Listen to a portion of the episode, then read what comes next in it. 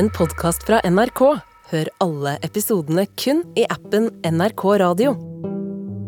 Som om rådyret bare kom out of nowhere, liksom fra en stjerne, og dro igjen bare dette ene øyeblikket.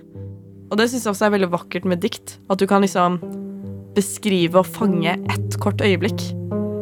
Åh, nei, det, det er veldig vakkert. Jeg skal straks dele et dikt med Maud Angelica Behn, og i det diktet så er det egentlig en helt eh, naturlig og nødvendig ting å stirre inn i et par rådyrøyne. Det er diktdeling jeg driver med i denne podkasten, prøve å finne ut hvordan og hvorfor ord treffer. Maud er forresten selv en ganske aktiv diktdeler. Hun har delt dikt med meg i en tidligere episode av podkasten. Og så har hun også gitt ut en diktsamling selv som heter Tråder av tårer. Alt ligger egentlig til rette for at dette skal bli ren plankekjøring, men da jeg snakket med henne på telefon i forkant, så fikk jeg inntrykk av at naturdikt av akkurat den poeten jeg har valgt til henne, ikke nødvendigvis er det helt store for henne. Så ble jeg litt paff, rett og slett. Fordi at du Altså, vi, plutselig var vi inne på på en måte på riktig spor når det gjelder diktet jeg har valgt til deg. Mm. Så jeg vet ikke om det er godt eller dårlig tegn, men eh, vi får, eh, vi får se hvordan dette går. Hvordan da? Altså med riktig spor? Altså, du begynte å snakke om Hans Børli. Og jeg har oh, ja. valgt et Hans Børli-dikt til deg. men serr! Ja. Å, men, å, men jeg syns det er gøy. Å ja! Du ble litt sånn Å, når jeg snakket om Hans. Å, men det syns jeg er bare gøy, for det er noen jeg kjenner igjen. På grunn av det, det, altså, det er så mange diktere jeg ikke vet om, men jeg syns det, det er litt gøy at du leser noen jeg kjenner igjen. Jeg kan like naturdikt, altså. Jeg er åpen for alt, så du trenger ikke, å bekymre deg. Og så tenkte jeg på altså Grunnen til at jeg valgte til deg, det var ikke så mye naturen, men det var fordi jeg hadde sånn bilde av at du er en person som legger merke til veldig mye rundt deg. At du får med deg detaljer. Jeg vet ikke om det stemmer, men det er bare en idé jeg har, da. Om at du får med deg mye av det som skjer rundt deg, og noterer deg det. Og gjemmer på det litt. Jeg vet ikke. Eh, Det er i hvert fall et dikt som eh, heter Rådyret. Det tror faktisk jeg har lest! Å, det vet jeg ikke. Å, please les det. Gjerne les det. Skal jeg bare rett og slett eh, Ja, gjerne. Får vi se etterpå om du har det forhold til Ja, rådyr og sånn. Rådyret. Denne dagen vil jeg bevare i hjertet som en ting av kostbarhet. Jeg møtte et dyr på stien i dagningens første time. Et rådyr. Så levende vakkert, så skinnende ungt. Som hadde det hoppet ned fra den lave morgenstjerne i øst. Dette møtet gjorde hele dagen edel. En skjør villdyrynde la et lys av åpenbaring over mitt grove dagsverk. Hendene ante den uforløste sangen i alle ting. Jeg følte meg på underlig vis fylt av ansvar, fordi skjønnheten hadde sett på meg med de mildeste øyne i skogen.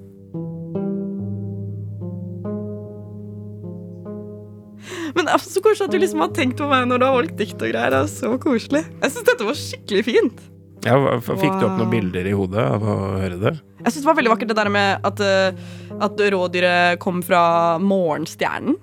Åh, jeg syns det er så vakkert å beskrive ting på den måten. Jeg føler at det er noe liksom skrift kan gi deg, som kanskje ikke andre medier kan gi deg. og Sånn, vi må forklare ting på så vakker måte, da. Jeg forestiller meg liksom ehm, en rådyr, et rådyr i solskinnet, da. Liksom som bare plutselig dukker opp på veien. Ja.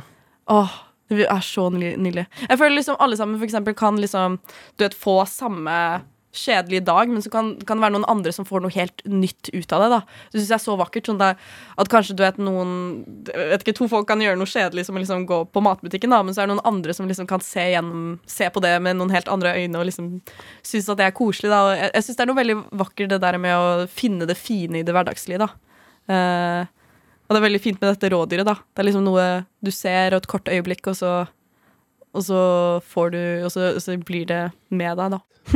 Men Hans Børli han det, snakker jo om, ikke sant, om at um, en skjør villdyrynder la et lys av åpenbaring over mitt grove dagsverk. Han var jo ikke. Grove dagsverk. Ja, Ja. dagsverk, det er vel at uh, dagene går som en klokke, liksom? Ja, det kan også gjøre. Men Er jeg det tror det også det er et, dagsverk er jo også det man gjør som jobb i løpet av en dag, tror jeg. Å, i sammenhengen sånn, ja. her. At han uh, at han, at han jobber i skogen, rett og slett. Så jeg sitter og Mm. sett på liksom intervjuer intervju med Hans Børli og sånn, og han jeg, For jeg har jo tenkt at å være skogsarbeider, Ja. hugge tømmer sånn som det var før, da. Mm. Det var en utrolig hard og slitsom jobb. Ja. Men han så på det som en veldig frihet, da. Han hadde stor frihet.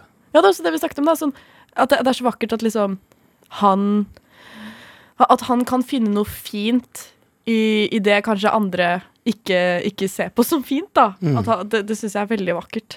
Det tror jeg må liksom- være virkelig merke, altså hans uh, signatur, nesten. Ja, At han ja, ja. ser helt spesielle ting og åpenbaringer Ja. overalt. Det å kunne se det vakre i det kanskje andre tenker på som kjipt, det syns jeg, jeg er veldig nydelig. Mm. Ja.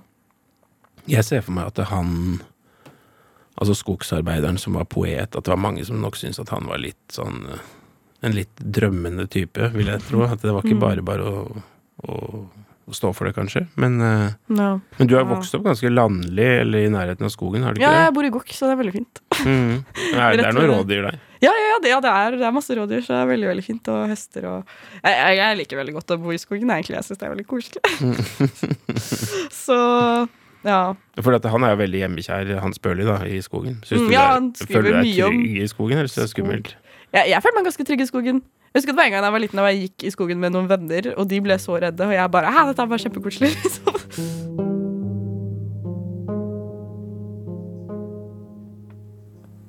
Og så følte han ansvar. Ja. Det lurer jeg også på hvorfor følte han ansvar. Kanskje det å liksom sette pris på dette lille, da. Rådyr er kanskje noe man tenker på som liksom uh, skjørt, da. Uh, fordi skjønnheten hadde sett på meg med de mildeste øynene i skogen. Ja, mildeste og også liksom noe skjørt og, og vakkert, da. Kanskje føle ansvar på å passe på slags passe på rådyret, eller liksom passe på dette lille og skjøre øyeblikket, da. Mm. Hva, hva, hva tenker du at det betyr? Jo, jeg tenker det. Altså, det er jo veldig fort gjort nå, med dagens briller, å lese det som et sånn økodikt, nesten. At eh, Ja. det handler om å oh, ja, ja! ta vare på planeten. Mm. Jeg vet ikke hvor eh, Det bevisst han har tenkt fint. sånn, men det er jo i hvert fall en eller annen form for uh, ansvar han føler, da. Og jeg tenker at når du har fått nærkontakt med et dyr på den måten mm. Altså, jeg har jo opplevd det noen ganger å få øyekontakt med en hest eller en ku, eksempel. ja. Og så plutselig merker du at eh, de begynner å blunke litt saktere. Oh. Og da føler jeg da at det er en eller annen form for kontakt. Jeg har hørt at katter gjør det. Ja, At de blunker sakte til eieren sin for å si at de elsker dem. eller noe. ja, Ja. ja men det tror jeg på. Wow. Men da da blir det liksom ikke noe Egentlig ikke sånn sterkt skille mellom menneske og dyr lenger. Og det er nesten litt Mm. skummelt. Jeg vet ikke hva konsekvenser det er om man blir Ja. vegetarianer eller hva det er. Men, men, men i hvert fall så kan man få den kontakten, da. Mm. Det er Um, veldig fint. Og, Og jeg elsker kuer. Gjør det, jeg òg. er så koselig. I sommer jeg liksom jeg, jeg, jeg fant en gjeng med kuer, og så var jeg der bare i timevis og bare ja, Jeg bare var der og tegnet dem og bare Oh my god, de er så fine. Ja. Men, men øh, Du tegnet dem, ja. Ja, jeg syntes det var koselig. Og klappet dem og Å, jeg elsker kuer. ja. Det gjør jeg faktisk òg. Det er noe av det største i livet for meg har vært eh, forholdet til kuer. Hvis Det jeg skal være er helt så ærlig. koselig. Å, enig. Men, men ja, er det liksom et øyeblikk der hvor du husker spesifikt, der hvor du liksom har hatt en ordentlig kontakt med et dyr, da? Altså Det jeg husker veldig godt fra mine besteforeldres gård, da, det var at um, Du, du, du bodde på en gård? Nei, det Altså var mine besteforeldre hadde, og onkel og tante Oh my my hadde god, så gøy!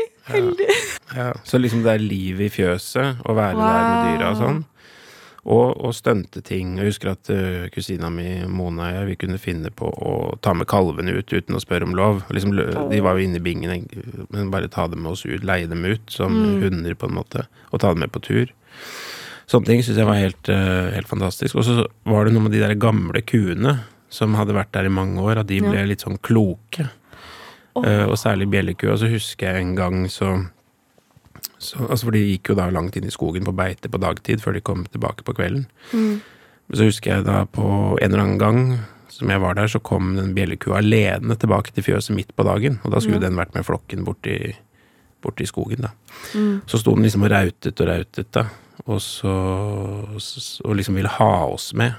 Wow. Og da husker jeg at vi gikk etter den av bestefaren min innover over beit, en sånn kolle, og så innover i skogen der. wow. Og så viste den oss vei frem til liksom et slags sånn en, et tre og et kratt. Mm. Og bak det krattet så lå det en ku som akkurat hadde født en kalv. wow. Og det skulle jo egentlig ikke skje ute på beite, ikke sant? så at eh, vi måtte jo Og for å si fra at det var født en kalv, rett og slett. Så vi Mm. måtte jo da hente trillebår og få med den der kalven oppi trillebåra og kjøre den tilbake sammen med kua Wow. til fjøset. Så er Utrolig sånn øyeblikk, da. At den liksom leder deg Ja, det var fint. mm. Har du en naturopplevelse som du kan huske, hvor du har følt deg litt sånn Noe som ligner, eller sånn Eh, med Det var jo det med kuene, da. Ja, ja. Vel, jeg husker at det, det var en gang jeg var i jeg bodde i London før, da, i sånn fjerde klasse. Så jeg var sånn ni? Ti? Det er vel det man er i fjerde klasse. Og så husker jeg at jeg så en rev. Da var det i byen, da. Men jeg synes det var så spesielt å se en rev midt i byen. Og så var det også en skikkelig byrev. Sånn der eh, skrufsete og sånn ekkel. Men jeg husker, på grunn av faren min er veldig veldig glad i, i rever. Uh, og så husker jeg bare at at den bare så meg i øynene og var rett foran meg. Og bare den blikkontakten, da.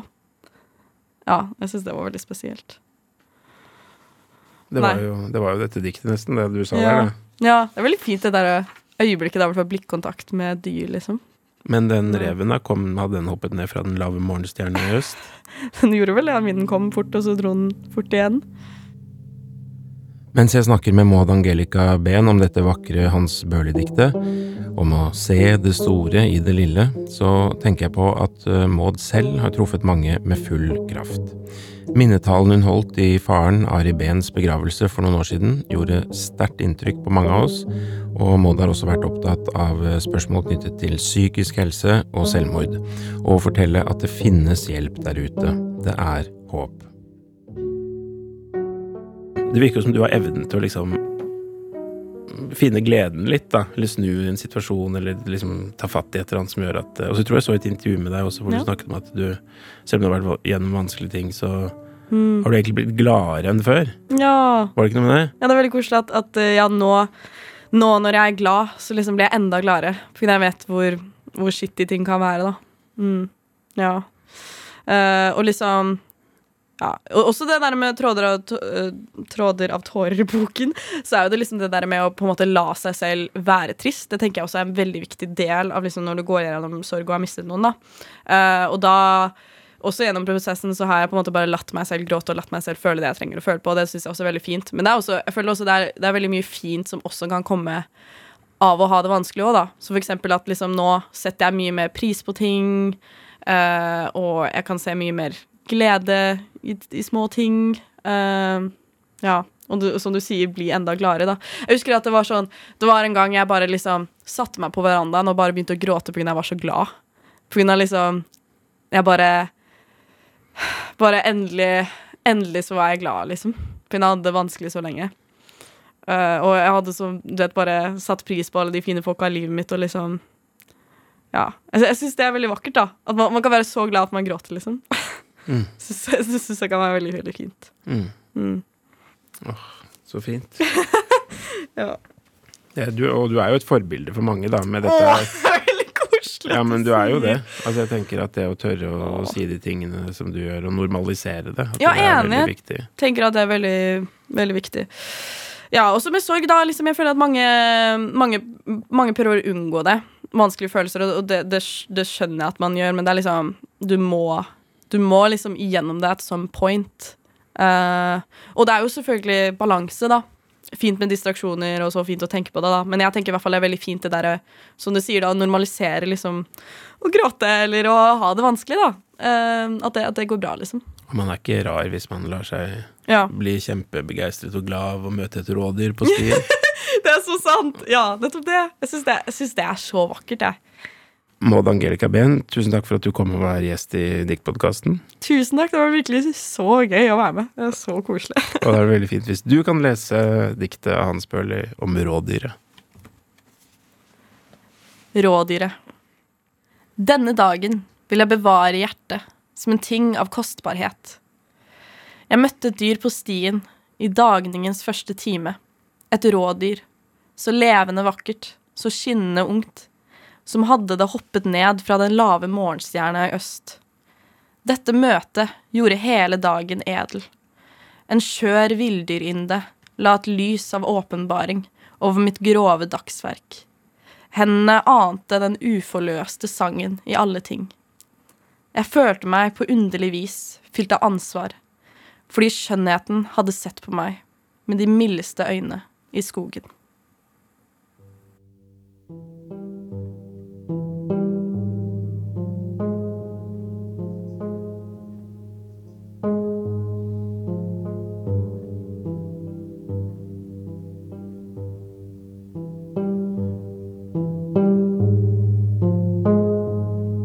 Du har hørt Maud Angelica Behn fortelle om eh, det å få øyekontakt med en rev i London, og det er ikke første gang det deles eh, dikt om eh, sterke naturopplevelser som virkelig treffer hjertet i denne podkasten.